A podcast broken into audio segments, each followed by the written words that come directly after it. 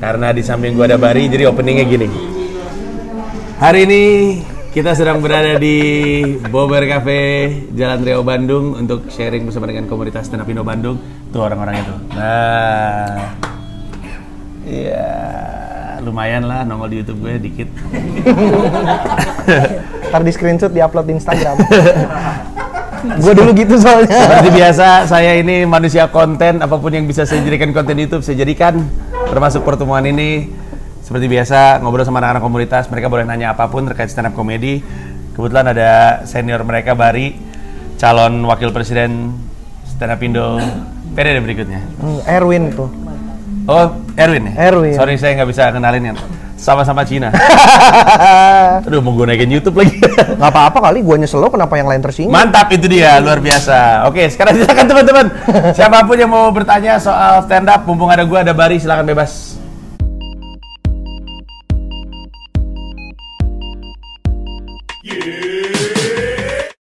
Video ini dipersembahkan oleh komika.id, sebuah platform di mana lo bisa mengunduh digital download stand up comedy special komika-komika di Indonesia dari Rian Adriandi, Ernest Prakasa, Semin atau Slim Boy, ada Gilang Baskara, ada Krisna Hareva, ada Kuku dan masih banyak lagi termasuk gua sendiri dan tersedia karya gua dari Bineka Tunggal Tawa sampai Pragiwaksono World Tour.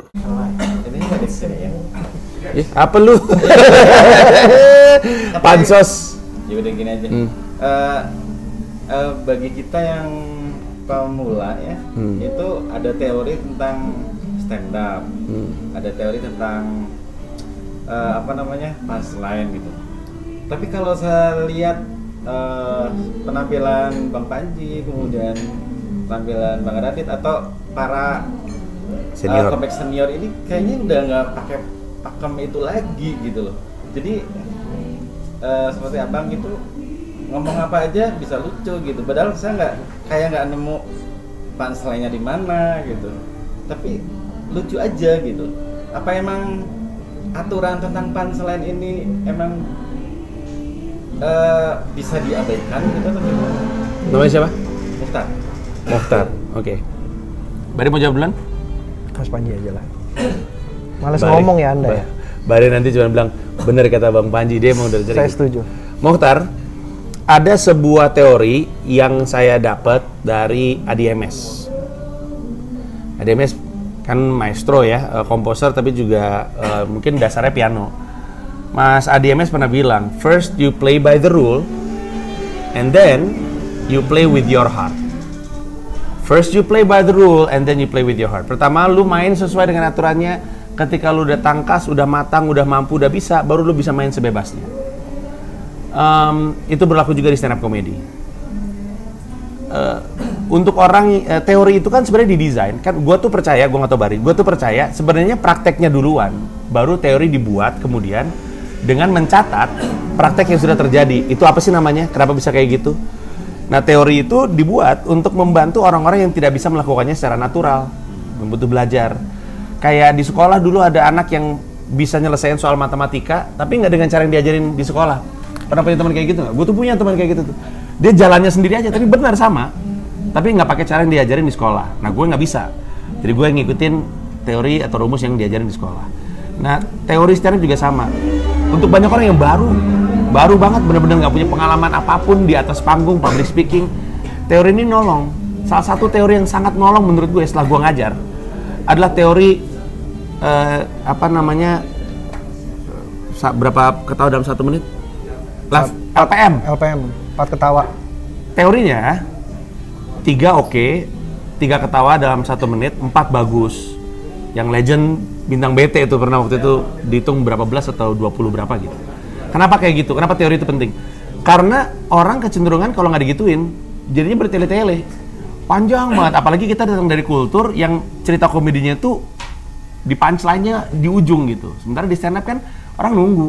Apalagi orang nggak kenal lu nah jadi untuk bilang bahwa lu cari 3 sampai 4 titik ketawa dalam satu menit itu ngebantu lu untuk jadi lebih tangkas. Nah nanti lama-lama ketika lu udah udah bisa udah 8, 9, 10 tahun punya pengalaman public speaking mungkin lu nggak perlu lagi kayak gitu. Gue juga nggak kayak gitu.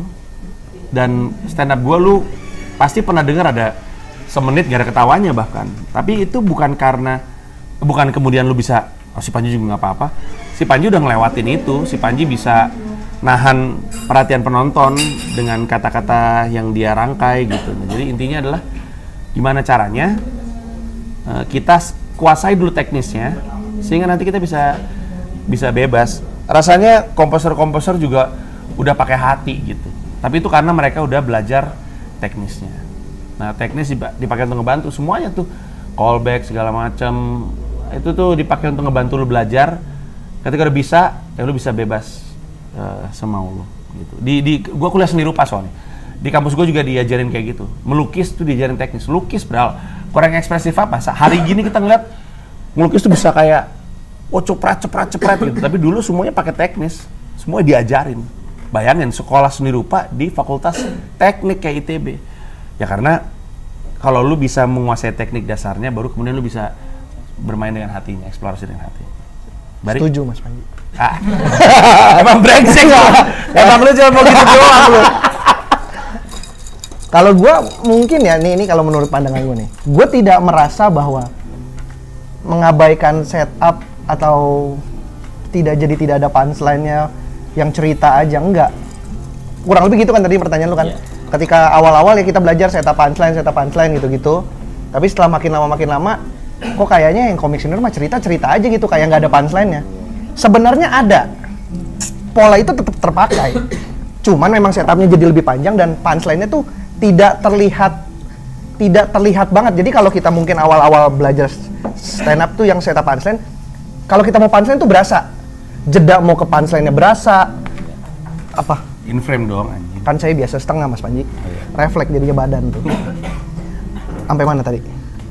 Sampai sini. Oh, sampai sini. Bukan, sampai gak kerasa. Ya, sam- mungkin nggak terlalu berasa gitu. Kalau awal-awal kita belajar stand up kan, stand up tuh kalau kita mau punchline tuh ada tuh pola-pola yang udah mengarah ke punchline seperti apa.